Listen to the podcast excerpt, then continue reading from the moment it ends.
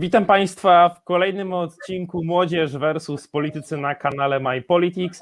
Ja nazywam się Mikołaj Dobiek, a dzisiaj moim i Państwa gościem będzie poseł na Sejm Rzeczypospolitej Polskiej, pan Sławomir Neumann z partii Platforma Obywatelska. Witam Pana posła bardzo serdecznie po raz pierwszy na naszym kanale. Witam serdecznie wszystkich, tych, którzy ze mną będą teraz debatować i tych, którzy będą to oglądać. Serdecznie witam w piątek wieczorem.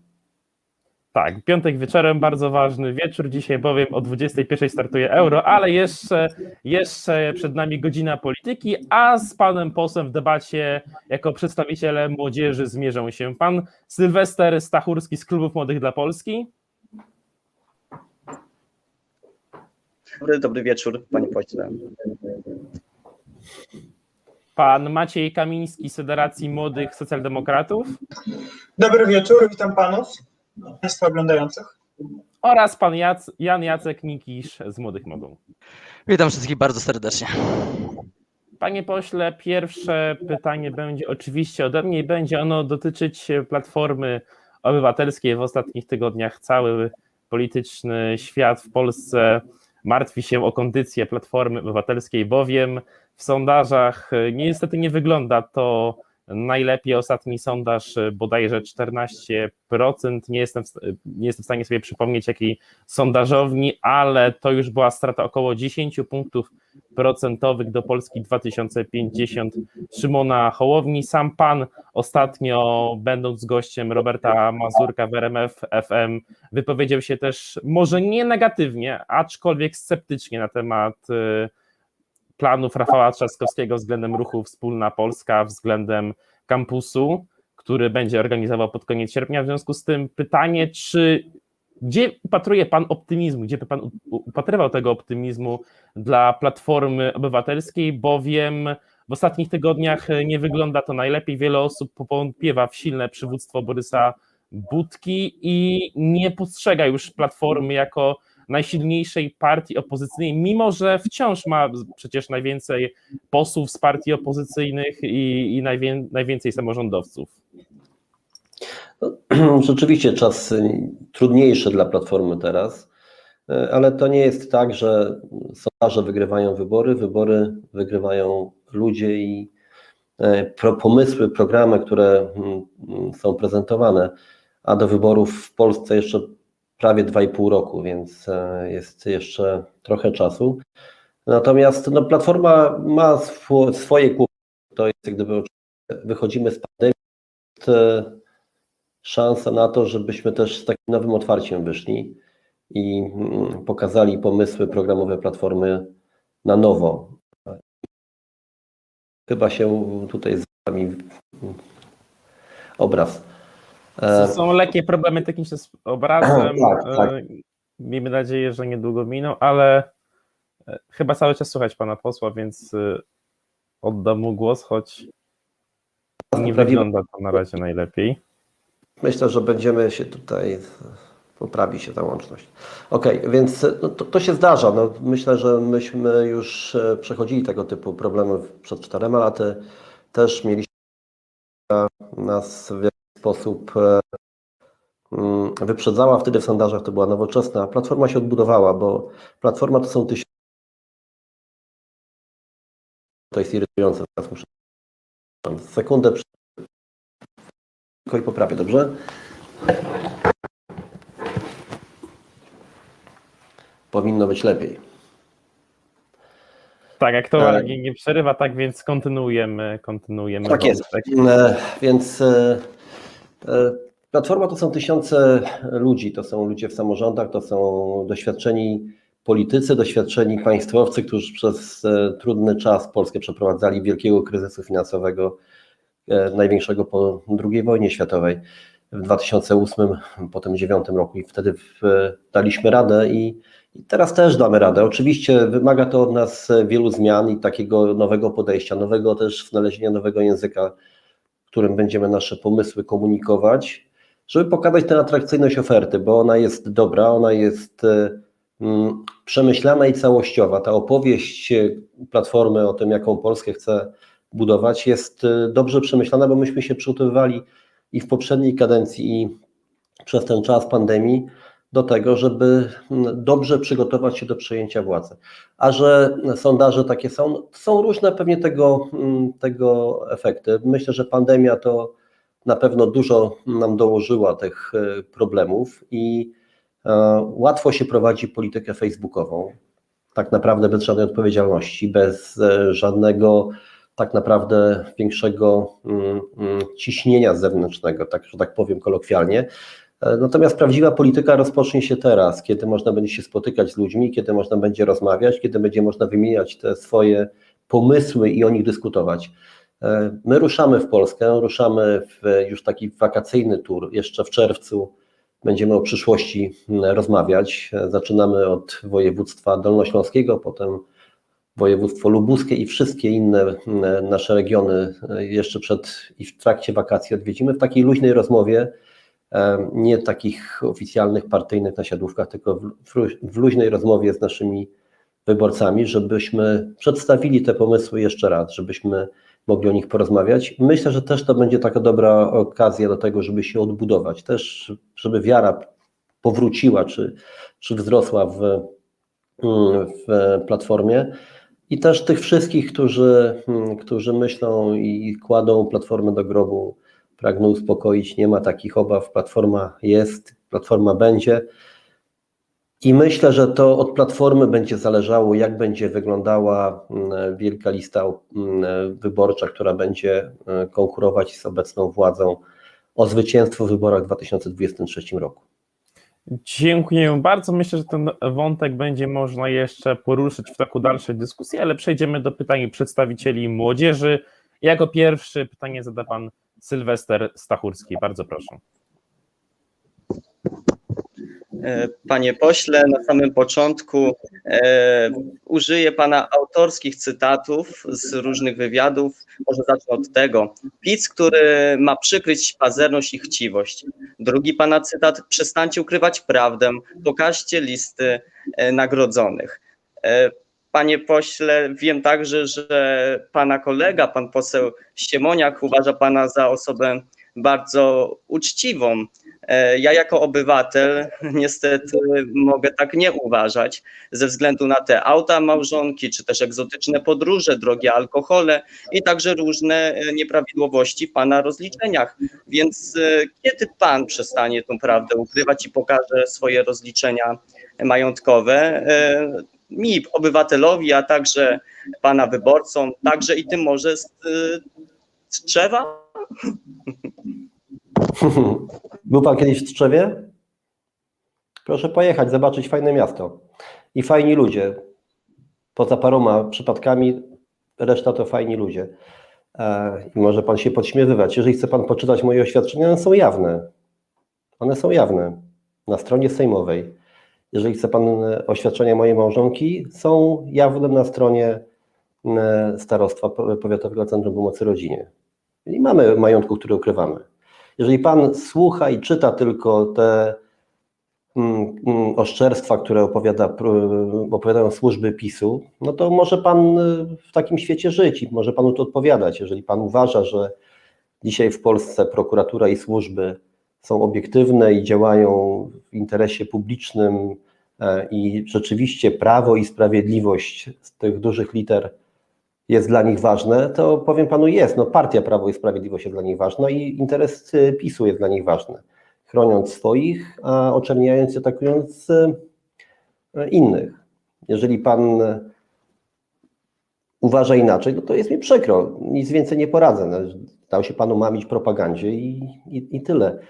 Jeżeli przez 6 lat ta władza rządzi i nie potrafi niczego udowodnić poza kalumniami i oszczerstwami, no to powinno dać trochę do myślenia każdemu myślącemu człowiekowi w Polsce. Ale ma pan prawo inaczej mnie oceniać. To jest e, każdego prawo. Na tym polega demokracja. Dziękuję bardzo i mamy adwocem od pana Sylwestra. Bardzo proszę. E, W międzyczasie Pana wypowiedzi, e, do której pragnę się odnieść, e, padło stwierdzenie różne o służbach. Za służbami idą konkretne działania, czyli proces sądowy. To w moim adwocem pragnę użyć też takie pytanie, czy jest nadal tak, jak w 2019 roku, co pan gwarantował, że żadne służby ani sądy nie rozwiążą żadnej sprawy przed e, wyrokiem i czy nadal pan tak e, przed wyborami oczywiście, przed wyborami, pamiętamy wybory parlamentarne i czy nadal ta pana gwarancja jest aktualna? Oczywiście dla swoich członków, dla swoich kolegów. Niestety nie widzimy pana posła, aczkolwiek mam nadzieję, że chociaż słyszał pytanie, zobaczymy, czy uda się rozwiązać problem techniczny wkrótce. Tu jest jakiś problem z e, łączeniem. E, Słychać mnie? Tak, słuchać, E, tak więc oddaję panu głos. E, Wie pan, wie pan, który jest rok dzisiaj? 2021. E, Skończyły się te sprawy? Sam sobie pan niech odpowie. No, to był 2019. Mówiłem, że do wyborów nic się nie skończy, bo sądy nie działają tak sprawnie. Reforma Ziobry je zablokowała. Skończyły się jakieś sprawy? No nie. Ale pan, panie pośle, mówił to w kontekście e, do swoich kolegów, oczywiście, i w ich e, czarnych, szemranych interesach. Znów, znów pan poseł nam zniknął. Mam, nadzie- mam nadzieję, że chociaż e, nas słyszy, bowiem e, to już byłby duży problem, gdyby tak nie było. Aczkolwiek no, znając e, doświadczenie, doświadczenie naszego dziś, dzisiejszego programu, to prędzej czy później pewnie uda się rozwiązać kwestie techniczne. Zawsze się, zawsze się daje. Teraz jakoś może to będzie lepiej. E, wie pan, w jakim kontekście ja to mówiłem, to ja wiem, natomiast w jakim, e, jak poszatkowane są te rozmowy i jak zmanipulowane przez telewizję publiczną, też wiem. I mówiłem to, że sprawy, które się toczą i które robi prokuratura czy, poli, czy służby specjalne przeciwko opozycji, są przez tę prokuraturę czy policję w sposób mm, polityczny prowadzone. A sądy nie skończyły żadnych z tych spraw, bo w wielu przypadkach nawet akty oskarżenia nie wpłynęły. Więc jeszcze raz panu powiem, mówiłem to w 2019 roku i miałem rację. Może pan się zrzymać, albo może pan wierzyć e, TVP Info, no to już pana, pana wybór. Ale zachęcam do samodzielnego myślenia i e, sprawdzania kalendarza, dat i zobaczy pan, że jednak miałem rację. Dziękuję bardzo. Tu na razie musimy postawić kropkę i przejść do kolejnych pytań. Teraz czas na pytanie pana Macieja Kamińskiego. Bardzo proszę. Szanowny panie pośle, kolega też mówił o pana wypowiedziach, ja natomiast mam inną, a mianowicie wypowiedź 6 września dla TVP Info. Czyli Nie jesteśmy, nie jesteśmy zakładnikami skrajności. W wywiadzie tym mówił pan, że nie, Platforma na swoje sztandary nie weźmie haseł środowiska LGBTQ+. I ja, że wcześniej Radosław Sikorski, ta, tu, później przy okazji KPO mówił, że no nie ma racji bytu, że LGBT to jest ekstremizm. Mówił, że związki partnerskie to już jest radykalizm. Następnie mówił, że wcześniej Platforma za pana kadencji, między innymi pana głosem, trzy razy odrzuciła projekt związków partnerskich. W sondażu dla polityki w 2020, kiedy to zostały dla wszystkich posłów rozesłane formularze, co używa, uważają o prawach LGBT, tylko 10% posłów klubu obywatelskiego, klubu Koalicja Obywatelska odpowiedziało na to pytanie, czyli Mam teraz do Pana pytanie, e, bo kiedyś także Pan mówił w sierpniu już, że to jest największą partią sojuszniczą dla osób LGBT. Czy wciąż Pan to uważa? Czy wciąż Platforma, która nie ma programu dla tych osób, wciąż Platforma, która tym osobom regularnie za każdą jedną okazją pije w twarz, może nazywać się sojusznikiem tych osób? I może się co najważniejsze nazywać nowoczesną europejską partią? E, Więc e, po kolei usystematyzujmy. Platforma przygotowała ustawę o związkach partnerskich i ona jest i jest przedstawiona, jest, była złożona jako projekt w poprzedniej kadencji e, i, i, i jest w tej. To jest, e, jest ustawa, którą przygotowaliśmy. E, Platforma się dość klarownie wypowiedziała w tej, w tej kwestii.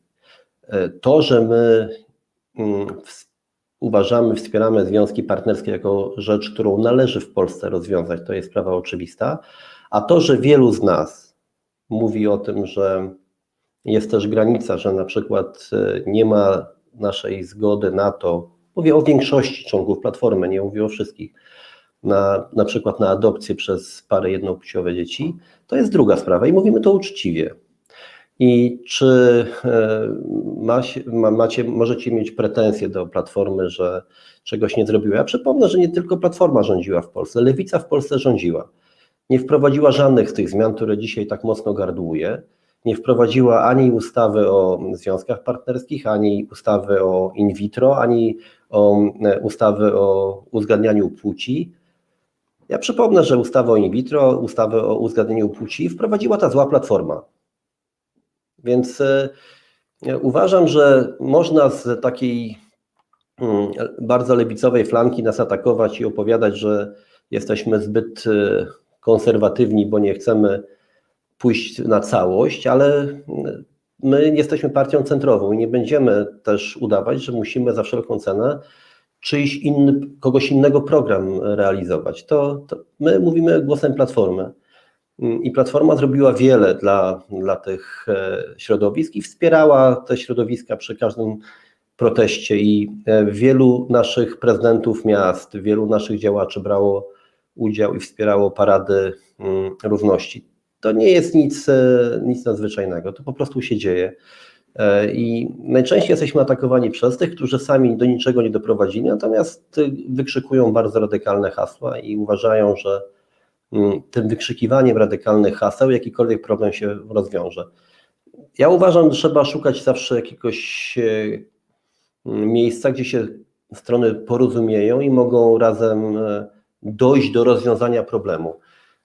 Ten problem jest. Uważam, problem związków partnerskich w Polsce jest i należy go rozwiązać, bo on dotyczy mm, tak samo par, par jednopłciowych, jak i e, heteroseksualnych, bo w związkach partnerskich żyją dzisiaj miliony Polaków i należy im się zagwarantowanie praw różnych, które są. E, I, I myśmy taki projekt przygotowali, mówimy o tym wprost. Nie widzę tutaj najmniejszego problemu. Warto czasami posłuchać też nas i sprawdzać nasze dokumenty, a nie to, jak e, niektórzy nas opisują, bo to czasami mylne wrażenie można mieć. Dziękujemy bardzo i mamy adwocem od pana Macieja Kamińskiego. Bardzo proszę. Panie pośle, zapomniał pan tylko o jednej rzeczy, że dawne kadry Sojuszu Lewicy Demokratycznej, to z 2001-2005, nie w większości siedzą w Platformie Obywatelskiej, na przykład poseł Czykwi, poseł Napieralski, poseł Arłukowicz, dalej idąc, Włodzimierz Szanowski, dzisiaj, rad, dzisiaj radny miasta Krakowa w klubie Platformy Obywatelskiej i Jacka Majchrowskiego. 70 Leszek Miller, w ogóle już nie w lewicy. Większość posłów tego SLD szła do Platformy. Co tak naprawdę, jeśli chcemy już liczyć po ludziach, to jednak Platforma zagłosowała przeciwko. Tak się innej rzeczy, e, jeśli mógłbym odnosząc się do stricte twardych danych, a nie już takich politycznych podjazdów.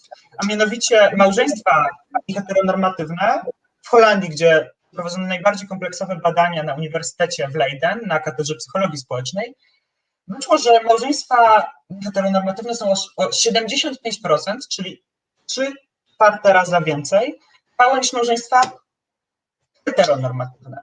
Także, co jest o wiele ciekawsze, dzieci adoptowane przez te pary mają o 20% rzadziej popadają w alkoholizm, o 30% mają, mają rzadziej myśli samobójcze.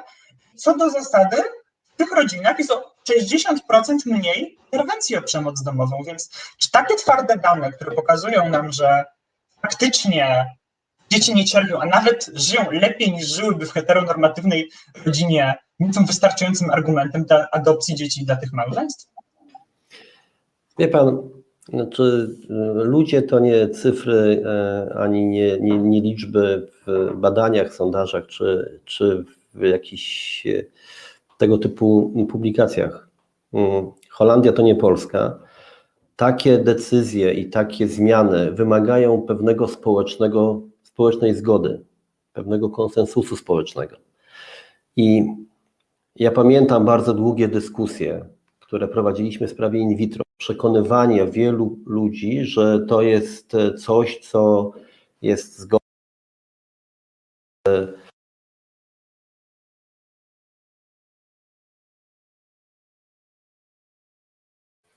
Panie pośle, nie słychać w ogóle pana niestety, plus są też chyba znów pewne problemy z łącznością.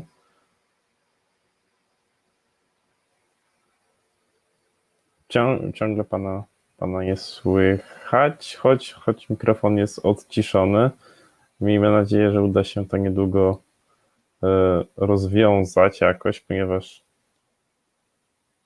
mamy jeszcze część programu przed nami.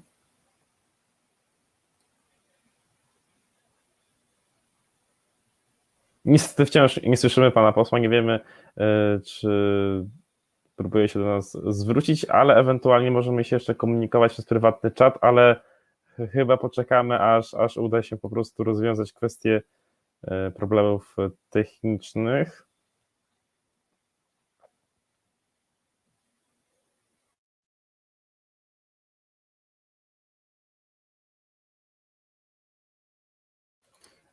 Pa- Panie pośle, słyszy nas pan?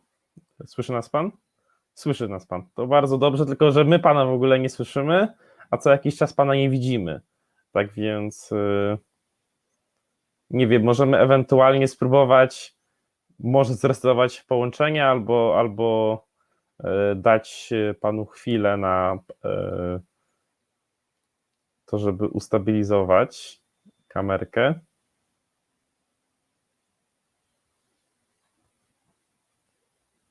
Teraz to już chyba nie mamy nawet pewności, czy pan poseł nas słyszy w ogóle, tak więc. No cóż, oczywiście będziemy czekać. e. O, słyszymy pana posła, widzimy. Słyszę, ale nie wiem, czy wy mnie słyszycie. Słyszymy, tak więc bez Wróciło. e, żadnej zwłoki wracamy, wracamy do treści programu. Nie mamy tu szczęścia z tą technologią dzisiaj, techniką. E, no, skończyliśmy na, na, na tym, e, mm, że wymaga to pewnego konsensusu. Nie wiem, ile słyszeliście z tej mojej odpowiedzi, ale uważam po pierwsze, że to coś, co, co ma jakieś znaczenie. Polska jest Polską i wymagamy od e, e, od nas wszystkich pewnego, pewnej zgody społecznej na poszczególne zmiany, takie głębokie reformy. I wiele lat zajęło przekonywanie do tego, że in vitro jest dobre i należy je wprowadzić i wspierać e, finansowaniem z budżetu. Dzisiaj tak samo jest ze związkami partnerskimi. Uważam, że długa dyskusja, która się odbyła w wielu środowiskach spowodowała to, że związki partnerskie są szeroko akceptowane. Właściwie E, Poza PiSem i Konfederacją większość innych środowisk politycznych akceptuje związki partnerskie. I trzeba po prostu rozmawiać. E, Jeżeli ktoś narzuca skrajne natychmiast takie postulaty, no to blokuje możliwość debaty i dyskusji, bo na skrajne rozwiązania wiele osób się nie chce godzić. I to jest e, oczywiste. No można e, mieć takie stanowisko wszystko albo nic, albo próbować żyją dzisiaj w związkach partnerskich i rozwiązać 50% ich problemów, 90%. No, ja jestem do drugiego, żeby móc zrobić ile się da. I, I tak uważam, i tak chyba też jak czuję i rozmawiam, uważa większość e, członków Platformy Obywatelskiej. Dziękuję bardzo i przechodzimy do ostatniego pytania. Bardzo przepraszam, panie Macieju, ale wykorzystał pan już swoje adwocem w tej pierwszej turze. Na pewno uda się jeszcze poruszyć ten wątek i przekazuję głos panu Janowi Jackowi Nikiszowi z Młodych Mogą. Bardzo proszę. E, Dziękuję bardzo. Mm, Panie pośle, ja mam takie pytanie, bo mówi się, że pan Donald Tusk ma wrócić na scenę polskiej polityki, ale szczerze, jak patrzę na Platformę Obywatelską, to według mnie Platforma Obywatelska nie chce Donalda Tuska, nie chce właśnie Donalda Tuska w, na scenie polskiej polityki, tylko woli, żeby Donald Tusk został w Brukseli i zajął się swoimi, nie wiem, tam jakimiś sprawami. I moje pytanie jest takie, czy rzeczywiście Platforma Obywatelska nie chce e, Donalda Tuska, że nie chce Donalda Tuska widzieć znowu z powrotem na, na scenie polskiej polityki? Dziękuję bardzo. Znaczy, po pierwsze, ja uważam, że Donald Tusk jest obecny na polskiej scenie politycznej cały czas i, i jego wypowiedzi, jego wywiady, komentarze czy wpisy są szeroko potem komentowane i, i dyskutowane. I on nigdy z tej roli nie zszedł.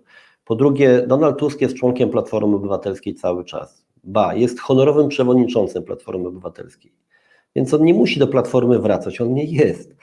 E, I też po, po trzecie jest dzisiaj szefem Europejskiej Partii Ludowej, czyli tej Chadecji Europejskiej, w której Platforma jest członkiem, zgłoszonym przez Platformę na tę funkcję, więc e, mm, rola Donalda Tuska w Platformie jest wielka i, i pozostanie wielka, bo to wielka postać polskiej polityki. E, Natomiast e, dyskusja trwa o tym, o tym, czy wróci na fotel szefa Platformy, czy nie. Ja, ja mówię w swoim zdaniu, mojej opinii, a nie jakieś nie ma stanowiska partii co do tego. Natomiast uważam, że Donald Tusk dzisiaj ma mm, rolę w IPP i on będzie tam ją spełniał, bo ma kadencję do 2022 roku. E, Można teoretycznie łączyć takie funkcje, ale są bardzo trudne. Natomiast y, do wyborów y, do 2023 roku jeszcze może się potem po tej kadencji wiele wydarzyć i Donald Tusk może ol- olbrzymią rolę takiej osoby, która integruje opozycję, różne listy opozycyjne mm, łączy. To jest jego rola nie do przecenienia. E, Być może będzie tak, że to rozbicie, które jest dzisiaj mm, w opozycji, spowoduje, że chęć do wyborów będzie zgłaszało 4, 5 czy 6 list wyborczych. Należy to zintegrować. Nie na jedną, bo na jedną się nie da, ale być może do dwóch, trzech najlepiej to, mm, to złożyć. I tutaj Donald Tusk byłby idealnym dla, dla integracji takich list, e, tej centrowej strony sceny politycznej.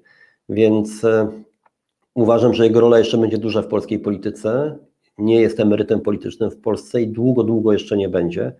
Natomiast też realnie oceniam e, dzisiaj rzeczywistość też i partyjną, i tę europejską. I jakoś e, trudno mi sobie wyobrazić powrót Donalda Tuska na szefa Platformy Obywatelskiej teraz. Zresztą Borys Budka jest wybranym przewodniczącym, ma kadencję e, czteroletnią. Ona może być krótsza, ale minimum dwa lata, dwa lata mijają dopiero wiosną przyszłego roku, więc e, to są takie dywagacje bardziej już mm, chyba akademickie o tym niż realna polityka. Dziękuję bardzo i od razu przechodzimy do drugiej tury pytań. Pozwolę sobie jako pierwszy zadać pytanie. Będzie ono dotyczyć przeszłości, w sumie nawet bardzo odległej, czyli nie wiem, czy wielu naszych widzów sobie zdaje sprawę, ale e, pan poseł Sławomir Neumann był kiedyś członkiem środowiska, można powiedzieć, neosanacyjnego Konfederacji Polski Niepodległej. W związku z tym pytanie, czy mocno zmienił pan poglądy od tamtego czasu i ewentualnie z czego ta e, zmiana wynikała, ponieważ chyba nie znalazłem żadnego komentarza na ten temat w internecie, bardzo ciężko się doszukać. Nie wiem, czy ktokolwiek kiedyś zadał panu takie pytanie, a, a drugie też przy okazji, czy dzisiaj, mm, biorąc pod uwagę cały spór historyczny, mógłby się pan nazwać Piłsudczykiem? Piłsudczykiem tak, absolutnie cały czas. Ja tutaj nie zmieniłem e, poglądów w tej kwestii. Szanuję marszałka Piłsudskiego. Wiem, że kontrowersyjna postać oczywiście, ale zrobił najwięcej zrobił dla odbudowy Rzeczpospolitej e, i odzyskania niepodległości. To, to dla mnie bez wątpienia jeden z największych bohaterów. E, Oczywiście ze swoimi słabościami, to, to jak każdy z nas. No, ja z KPN-u wychodziłem w 1995 roku, po, po takim sporze właśnie o, o gospodarkę bardziej. Czy zmieniłem poglądy? To była partia, Konfederacja Polskiej Niepodległej była partią niepodległościową, która mówiła o tym, że Polska powinna zrzucić jarzmo komunizmu, zrzucić jarzmo e, sowieckie. Żądaliśmy wycofania Armii Czerwonej mm, z Polski. Wy tego nie pamiętacie, bo was jeszcze prawie na świecie pewnie nie było wtedy. Ale to były czasy, kiedy tutaj były garnizony radzieckie. Myśmy przeciwko temu protestowali i byliśmy zwolennikami wyprowadzenia wojsk obcych z polskiego terytorium, przystąpienia do, do zachodniej rodziny państw i do, do, do NATO. To były, e, to były cele Konfederacji Mm, i tu mi się nie zmieniło w tych poglądach. Natomiast e, spór toczyliśmy trochę taki gospodarczy, czy, czy ja byłem wtedy jednak zwolennikiem wolnego rynku i, i, i- znacznie większym liberałem niż wielu na, naszych kolegów e, w, wtedy w KPN-ie, bo, mm, bo było też takie spory, ale, ale to był 95 rok, więc ten kapitalizm też w Polsce się dziwnie wtedy rodził, więc mm, były różne co do tego głosy, ale jestem Piłsudczykiem. Tak, zostałem Piłsudczykiem i uważam rolę marszałka Piłsudskiego za, e, za wielką w odbudowie Rzeczpospolitej widząc też oczywiście te, te błędy, które były i być może wiele można było mm, rzeczy zrobić inaczej, ale No, ale to historia ocenia. To się dzisiaj z perspektywy lat, prawie 100, patrzy na to, co, co się działo wtedy. No, Wtedy te decyzje też inaczej, inaczej, inaczej zapadały niż e, dzisiaj to widzimy. Jeszcze pozwolę sobie na krótki adwocem, ponieważ odniósł się Pan właśnie do ideałów marszałka Piłsudskiego, do tej właśnie idei, można powiedzieć, propaństwowej, e, anty, no w sumie antykomunistycznej, proniepodległościowej. W związku z tym nie ma Pan czasami wrażenia, że na polskiej scenie politycznej ogólnie, nie mówię tylko o Platformie Obywatelskiej, te ideały trochę zaginęły? Wie pan, ja nie wiem, dzisiaj mam wrażenie, że dalej walczymy z komunistami. Tylko to są bogobojni komuniści z PiSu. E, Nie mają sierpa i młota, mają, e, biegają z krzyżem i, i, i są bolszewikami mentalnymi. Więc e, taki antykomunizm mm, jest cały czas aktualny. Jesteśmy za gospodarką rynkową, za, za wolnym rynkiem, za wolnością, a nie za centralizmem, nie za upaństwawianiem wszystkiego, nie za tym, żeby państwo o wszystkim decydowało, jak chce PiS. Więc e, trochę te lata 90. wracają. Dziękuję bardzo. Ten wątek można by pewnie jeszcze ciągnąć długo, ale wrócimy do pytań przedstawicieli młodzieży, do formuły naszego programu i jako pierwszy w drugiej turze pytań pytanie zada pan Jan Jacek Nikisz z Młodych Mogą. Bardzo proszę. E, Dziękuję bardzo. E, Tak, panie pośle, ja mam takie pytanie, bo widzimy na co nasze pieniądze przeznacza nasz rząd, czyli na kościół, na swoją propagandę w TVP i że przepraszam, że się tak wyrażę, ale jeszcze na wiele innych pierdół, za przeproszeniem. E, Zamiast na szkoły, szpitale, podwyżki dla pielęgniarek i wiele innych potrzebnych rzeczy. I pytanie jest takie, czy uważa pan, panie pośle, że sensowne jest wydawanie na- e, pieniędzy na takie właśnie rzeczy? Jakie, co robi właśnie, widzimy, Prawo i Sprawiedliwość. Wie pan, my protestowaliśmy i protestujemy i, i, i składaliśmy projekty ustaw, które by blokowały różnego rodzaju wydatki. Jesteśmy w szczególnej sytuacji, bo COVID e, wybitnie pokazał e, te niedobory w ochronie zdrowia i te mm, wady systemu, które no, od dziesięcioleci poprawiamy. Sam miałem okazję e, trochę ten system poprawiać i wiem, ile pieniędzy tam jest potrzebnych. Natomiast e, skupianie się czy wydatkowanie dzisiaj miliardów złotych na takie gigantomania- gigantomanialne e, inwestycje jak Centralny Port Komunikacyjny, gdzie mają być dziesiątki miliardów złotych wydatkowane. W sumie port, który nie ma prawa być rentowny i, i przez wiele lat jest w Polsce kompletnie zbędny, natomiast e, będzie tylko rodził problemy czy takie pomysły jak 10 miliardów złotych na telewizję w ciągu tych kilku lat, które ma dostać. To są pieniądze, które są wyrzucane w błoto, to są nasze wszystkich pieniądze, to są pieniądze podatników, ale do tego jest jeszcze mnóstwo innych, wie pan, przypomnę, no, no już pewnie większość z was zapomniała, bo to szybko mija czas, a tyle nowych rzeczy jest tyle, że wypierają. Na początku tamtej kadencji pan minister Gliński wydał pół miliarda za kolekcję czartoryskich, która i tak była w Polsce i była dostępna w muzeach, nie mogła granic Polski opuścić, no to dostali pół miliarda, żeby e, przekazać ją państwu. No to, to są pieniądze wydatkowane w, w sposób skandaliczny i moim zdaniem w wielu wypadkach prokurator, prawdziwy prokurator, niezależny prokurator będzie miał dużo roboty. Ja już nie wspominam o tych wszystkich pomysłach związanych z promocją Polski za granicą przez Fundację Narodową, gdzie setki milionów złotych są pakowane przez spółki Skarbu Państwa, jedynym takim znaczącym e, działaniem tej fundacji to była kampania billboardowa e, oczerniająca sędziów e, i jacht, który do dzisiaj stoi pewnie w stoczni, z tego co pamiętam, e, czy w jakimś porcie i nie pływa, bo jest uszkodzony i miał promować Polskę na, na morzach i oceanach. No, no to jest banda nieudaczników, którzy niekompetentni e, dorwali się do władzy w spółkach Skarbu Państwa, które tracą na wartości, czy do różnego rodzaju funduszy budżetowych i na prawo i lewo rozdają swoim pociotkom i, i, i mm, jak gdyby dobro publiczne mając za nic. Tu- Tutaj uważam dzisiaj, że priorytety, które powinny być postawione, to ochrona zdrowia ewidentnie, bo, bo COVID pokazał i tutaj niestety trzeba kompleksowych, pełnych działań, nie takich centralizujących znowu wszystko, co oni myślą, ale dać szansę samorządom i dać szansę tym szpitalom i przychodniom na normalne działanie. Dzisiaj mamy rekordowe zadłużenie szpitali. W historii nie było takiego, takiego zadłużenia. To jest, y, nie ma pełnych danych, bo też nie chwalą się tym, ale to jest grubo ponad 14-15 miliardów złotych. Co pokazuje, jaki to jest dzisiaj mm, wielki problem, który za chwilę może wybuchnąć. To są pensje pielęgniarek czy personelu medycznego pracującego na oddziałach covidowych, gdzie przez te miesiące otrzymywali podwójne pensje. Teraz ta jedna połowa tych zarobków zniknie. To będzie bu- budowało nieprawdopodobne konflikty. E, I, I nie widać pomysłu na rozwiązanie. Bardzo łatwo oni są w stanie wydawać miliardy złotych na cokolwiek. Za chwilę będziemy płacić kary, e, być może te, te 5 milionów euro dziennie za to, że rząd nie potrafił z Czechami się dogadać w sprawie Turowa. No, to są elementarne błędy i straty, które ponosimy, e, bo nie szanuje się publicznego grosza, nie szanuje się tych publicznych pieniędzy i mm, nie jestem optymistą, żeby jasno powiedzieć, że to się szybko skończy. To się dopiero skończy po wyborach, kiedy ta ekipa odejdzie, bo tak e, pazernych ludzi takich e, z takim lekkim podejściem do publicznych pieniędzy jeszcze nie spotkałem. Dziękuję bardzo. I teraz czas na pytanie pana Sylwestra Stachurskiego. Bardzo proszę.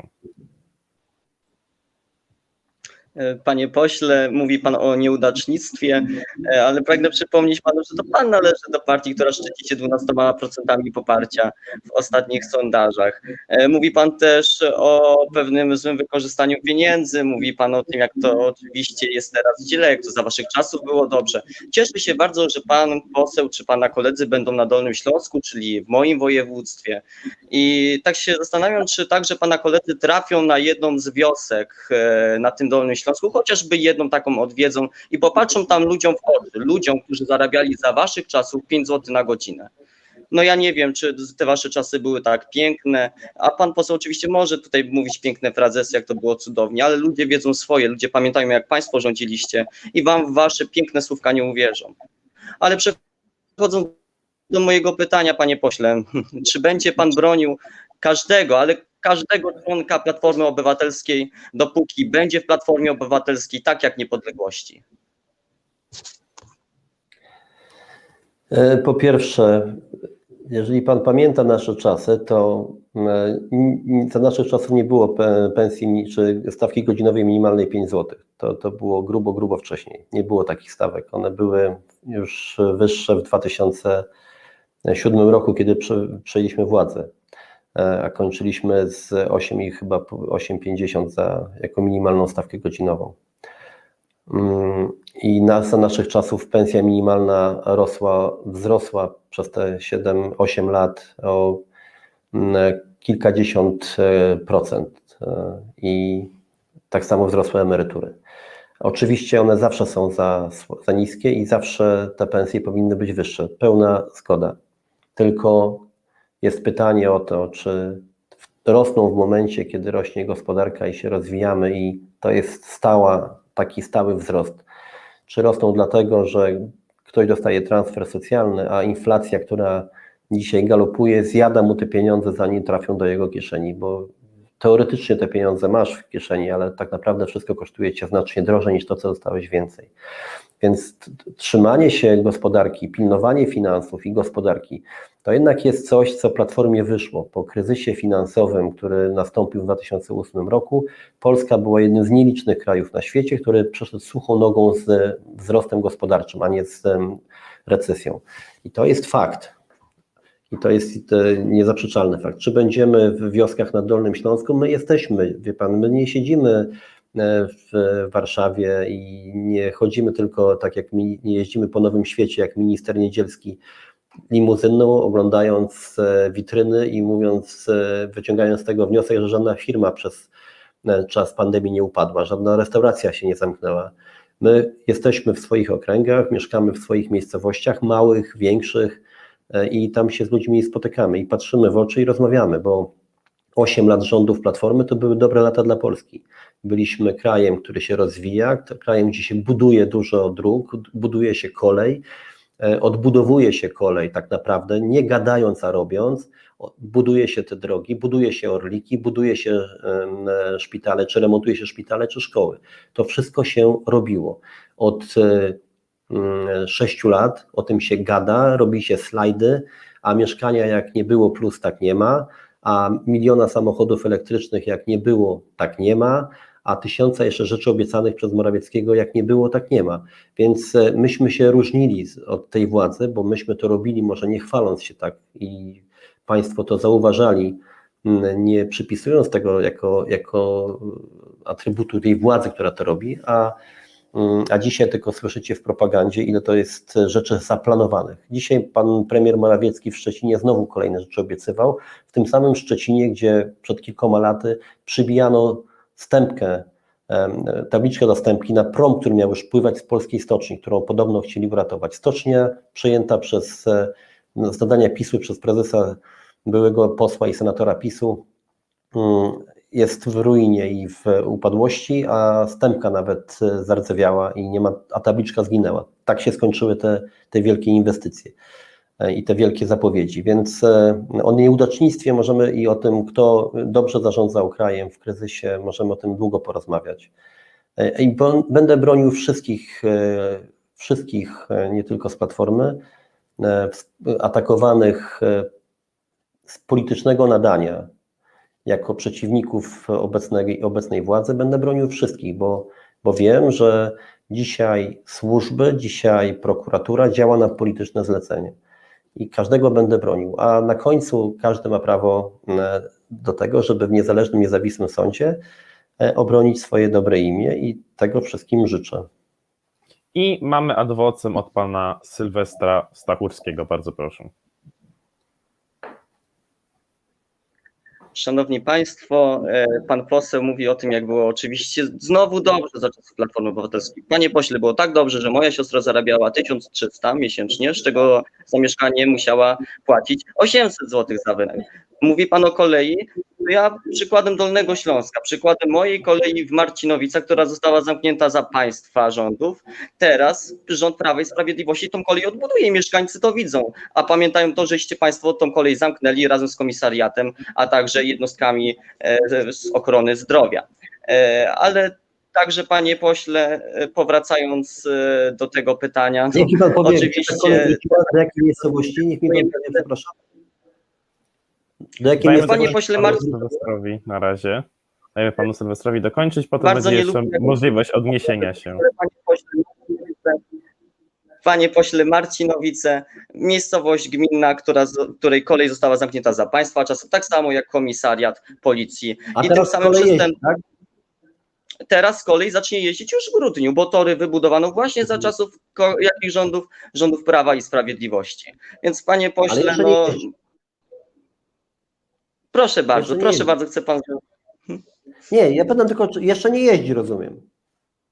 Jeszcze nie jeździ, ale proszę pana, za pańskich rządów, Tak, tak, ja bo mówię. pan... Naszych nie jeździła, teraz nie jeździ, ale pan wierzy, że będzie. Ja panu życzę. Nie jeździła, bo tą kolej zamknęliście, zamknęliście wiele odcinków kolei dolnośląskiej, bo oczywiście było nierentowne, tak samo jak PKS-y były przecież nierentowne, a dzieci do szkół nie wiadomo czy miały się dostać. Ale PKS-y jeżdżą, tak jak jeździły.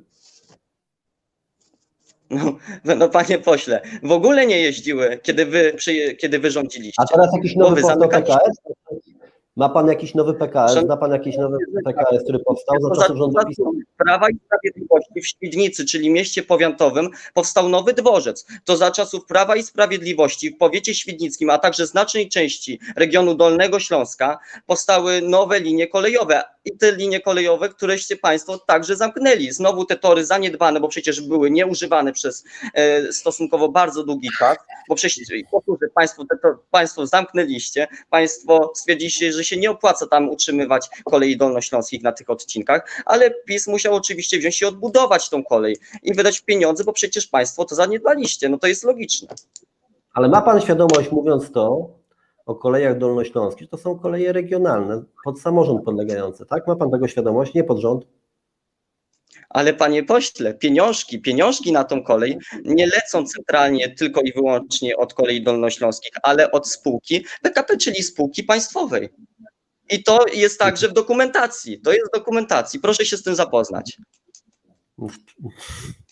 Niech pan dobrze to poczyta, naprawdę, bo trochę o inwestycjach kolejowych bym mógł z panem porozmawiać. Przypomnę, że kilka tysięcy kilometrów trzeba wiedzieć, torów kolejowych zrobiliśmy za czasów Platformy. Wie pan? Komu dać, żeby Pro, poza prosiłbym, żeby sobie nawzajem nie przerywać, ponieważ są takie, są takie warunki, że, że to się strasznie zagłusza, ale rozumiem, że na razie e, ta dyskusja może być przerwana, ponieważ mamy kolejne adwocem od pana Jana Jacka Nikisza z Młodych Mogą. Bardzo proszę. E, oczywiście, panie pośle, ma pan rację, że e, tutaj p, p, pan premier Mateusz Morawiecki obiecał, ale nic nie zrobił. by Prawo i Sprawiedliwość obiecało, ale nic nie dało. Ale e, tutaj Platforma Obywatelska, e, chciałbym panu powiedzieć, że też za bardzo nic nie zrobiła. Na przykład pan Donald Tusk obiecał e, zniżkę, po, podniż, zniżenie podatków, a wyszło na to, że podwyższyliście te podatki zamiast je ten. I według mnie, jak e, Prawo i Sprawiedliwość nie jest święte, to Platforma Obywatelska też nie jest święta i dlatego ludzie, e, bardzo dużo ludzi mówi, PiS PO samo zło, bo totalnie mm, i przekrzykiwanie się, że my kradliśmy, ale oni kradli więcej, to nie jest żaden argument, proszę pana, panie pośle, Ale ja takich, bo ja takich argumentów nie używałem, z tego co pamiętam. ale ja nie mówię o panu, tylko mówię o Platformie Obywatelskiej w ogóle. Nie, nie słyszałem z Platformy takich argumentów.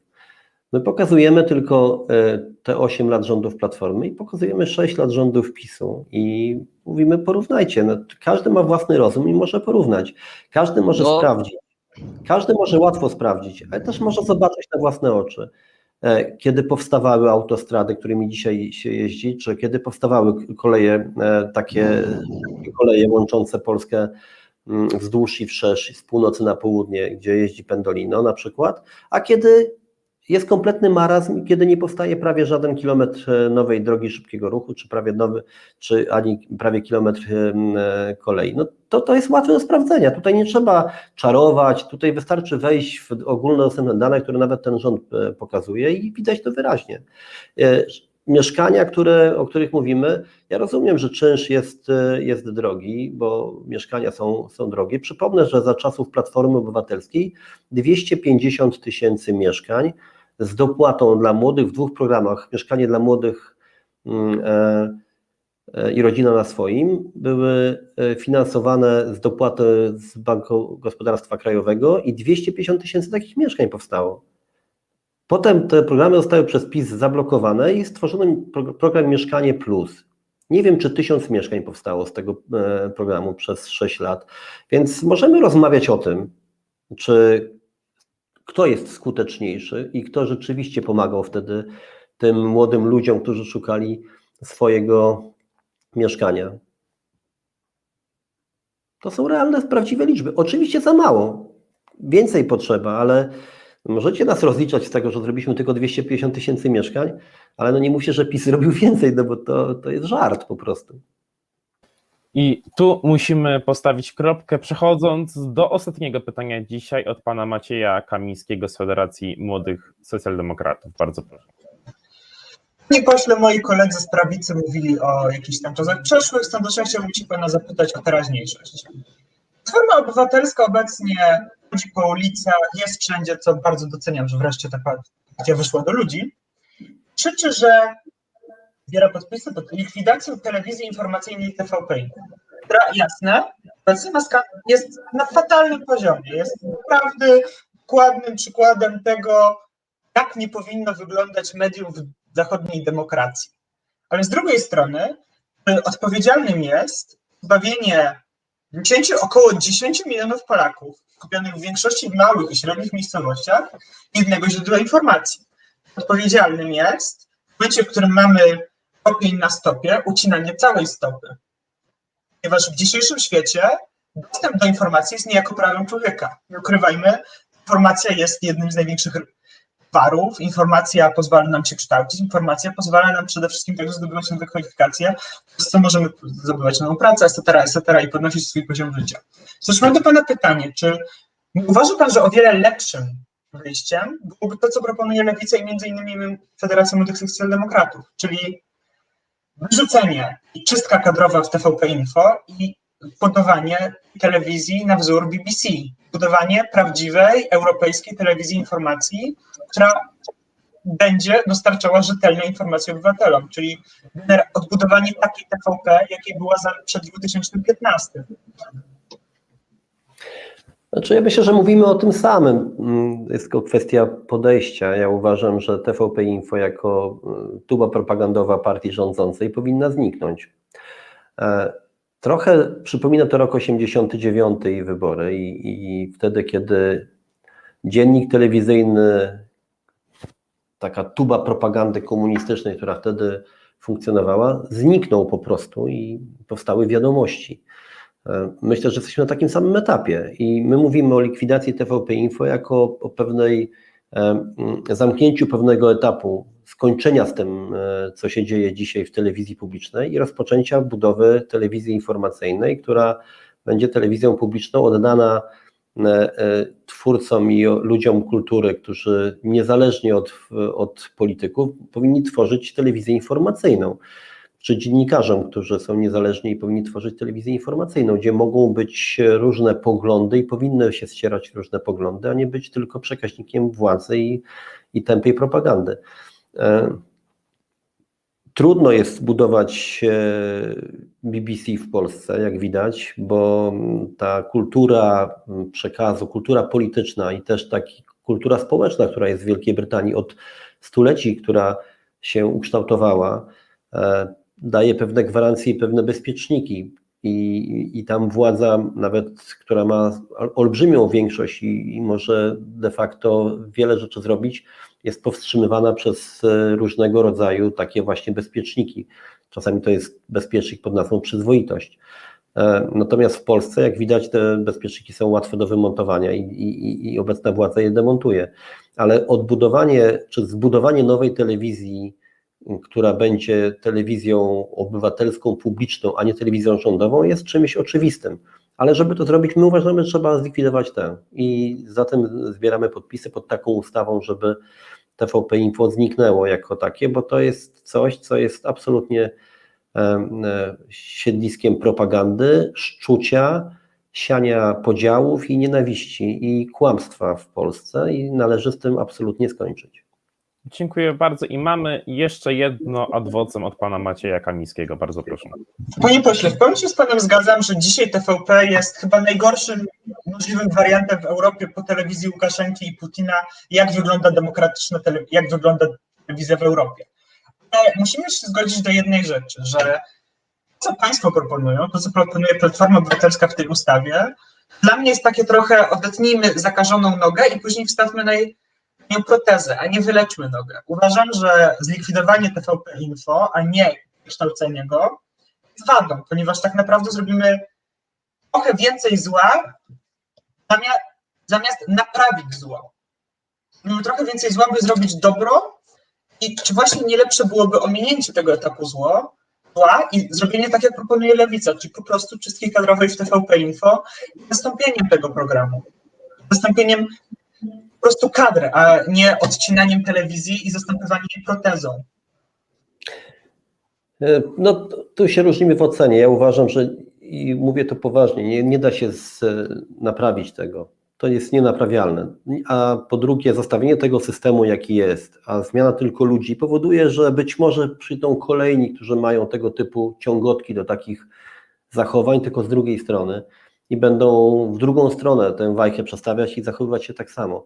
Trzeba zbudować medium, które będzie niezależne i rzeczywiście dać, dać mu poczucie i, i taką pewność niezależności od, y, od władzy.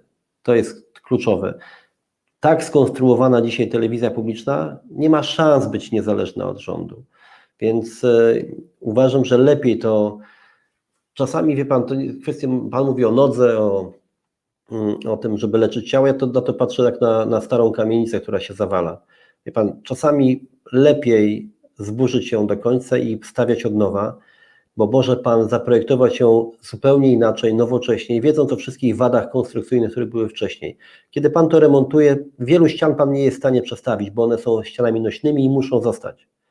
Więc e, ja jestem zwolennikiem w tym przypadku mm, likwidacji budowania mediów publicznych na nowych zasadach, na nowych warunkach, bez obciążeń, naprawdę w sposób e, taki nowoczesny, który mógłby być, e, mógłby wykorzystać to, tę, tę samą wiedzę, którą mamy dzisiaj, tę, złą, tę, tę złą wiedzę, którą mamy dzisiaj o tym, jak media wyglądają, ale też brać dobre przykłady i je transponować do Polski. Tu się różnimy w ocenie, jak to zrobić. Ja nie jestem raczej przekonany, czy wręcz jestem pewny, że nie da się tego zrobić w sposób ewolucyjny, że sama wymiana ludzi to, to za mało. Trzeba zmienić system cały, żeby on potem nie był tak łatwy do e, znowu przejęcia i zrobienia takiej tuby, być może przez kogoś innego, nie może za rok, za dwa, może za kolejne 10 lat. No, ludzie w polityce też mają różne pomysły po każdej stronie sceny politycznej i lubią mieć własną propagandę, jeżeli to jest skuteczne, jak PiS pokazuje, no, do tej pory skuteczne. Dziękuję bardzo i wątkiem medialnym kończymy dzisiejszy odcinek Młodzież versus Politycy. Dziękuję naszym widzom za obecność. Zapraszam już teraz na jutrzejszy odcinek Młodzież versus Minister Zalewska o godzinie 18, a także na niedzielne starcie w naszym ringu politycznym pomiędzy Jakubem Wiechem a prezesem partii Korwin, panem Januszem Korwin-Mikkem. Dzisiaj moimi i Państwa gośćmi byli pan poseł Sławomir Neumann, Dziękuję bardzo. Pan Sylwester Stachurski, Dziękuję bardzo. pan Maciej Kamiński Dziękuję bardzo, życzę miłego wieczoru Państwu. oraz pan Jan Jacek Mikisz. Dziękuję bardzo za zaproszenie. y, Życzę miłego dnia i życzę przyjemnego oglądania pierwszego meczu na Euro. Już od 25. Również dołączam Tak, się dokładnie. do życzeń. Można jeszcze życzyć oczywiście naszym reprezentantom nie tylko oczywiście dobrej gry, ale przede wszystkim dobrych wyników. Również e, jeszcze raz bardzo wszystkim dziękuję. Do zobaczenia, do usłyszenia, miłego wieczoru. Widzimy się już jutro o godzinie 16.